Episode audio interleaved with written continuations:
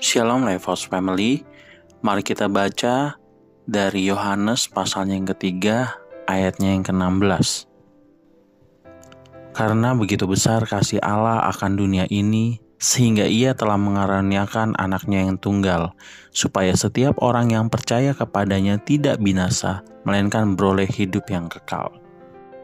Mungkin sebagian besar dari kita telah sering mendengarkan ayat tersebut, dan beberapa di antaranya mungkin ayat-ayat tersebut dibacakan di saat Paskah dan juga beberapa di saat Natal. Namun seberapa banyak kita bisa memaknai ayat tersebut?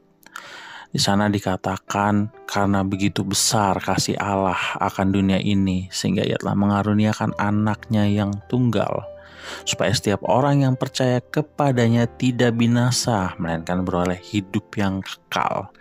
Nah, kalau kita lihat dalam momen perayaan Natal, hampir di setiap daerah, hampir di setiap negara, di mana pun di dunia ini, Momen Natal merupakan momen yang sangat dinanti-nanti, khususnya bagi beberapa wilayah yang merayakannya benar-benar dengan euforia Natal. Menghias rumah, menghias taman rumah, bahkan pohon Natal di mana-mana, lampu yang gemerlap, dan semua hadiah-hadiah Natal merupakan momen yang dinanti-nanti. Apakah salah? Tidak sepenuhnya salah apa pun momentumnya, apa pun perayaannya, bagaimana cara menyambutnya, tidak ada yang salah. Motivasi apa pun yang dilakukan, tidak ada yang salah. Dan juga tidak semua dibenarkan. Mengapa? Karena aspek perayaan dalam sebuah Natal yang dirayakan di mana pun tempatnya, dasar dalam dasar mereka merupakan sebuah sukacita, di mana mereka memaknai Natal adalah sebagai sebuah kabar baik yang datang dan sukacita bagi orang banyak. Dan kalimat yang pasti sering kita dengar, Sang Raja Damai telah hadir di dunia ini. Dan sering kali diperumpamakan sebagai bayi yang ada di palungan. Namun ingat, kembali kepada ayat yang sudah saya bacakan tadi. Kedatangan Tuhan Yesus ke dunia ini tidak seperti seperti selebrasi-selebrasi di luar sana yang banyak kita lihat. Apakah salah? Tidak. Tetapi kita harus perlu memaknai lebih dalam bahwa kedatangan Tuhan ke dunia ini ialah menyelamatkan kita semua. Dan kita sebagai umatnya, anak-anak ketebusannya, sudahkah kita menjadi pribadi yang layak untuk diselamatkan? Sang Raja Damai telah datang. Sang Raja Damai pun telah menuntaskan tugasnya di kayu salib. Misi keselamatan penebusan dosa umat manusia telah dilaksanakan. Nah, bagian kita adalah menuntaskan perjalanan iman di dunia ini dengan sebaik mungkin.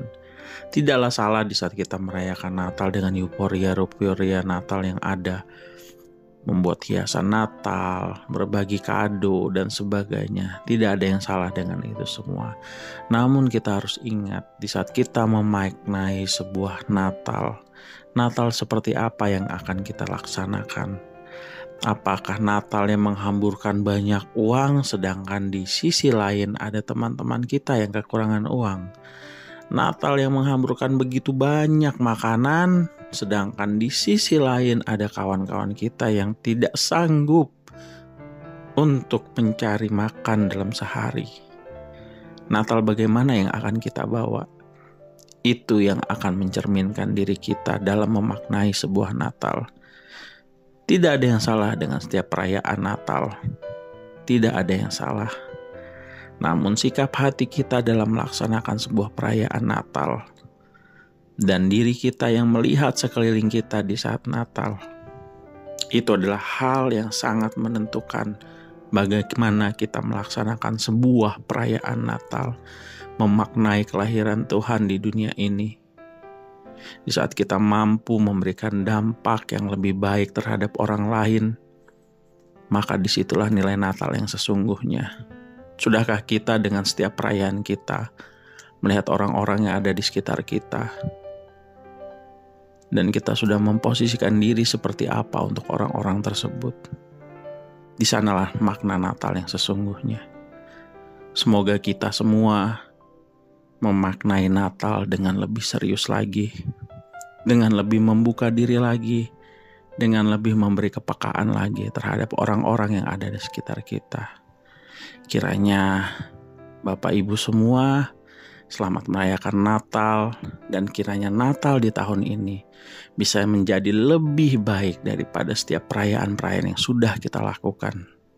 Dan semoga kita terus menjadi berkat bagi banyak orang. Tuhan Yesus memberkati.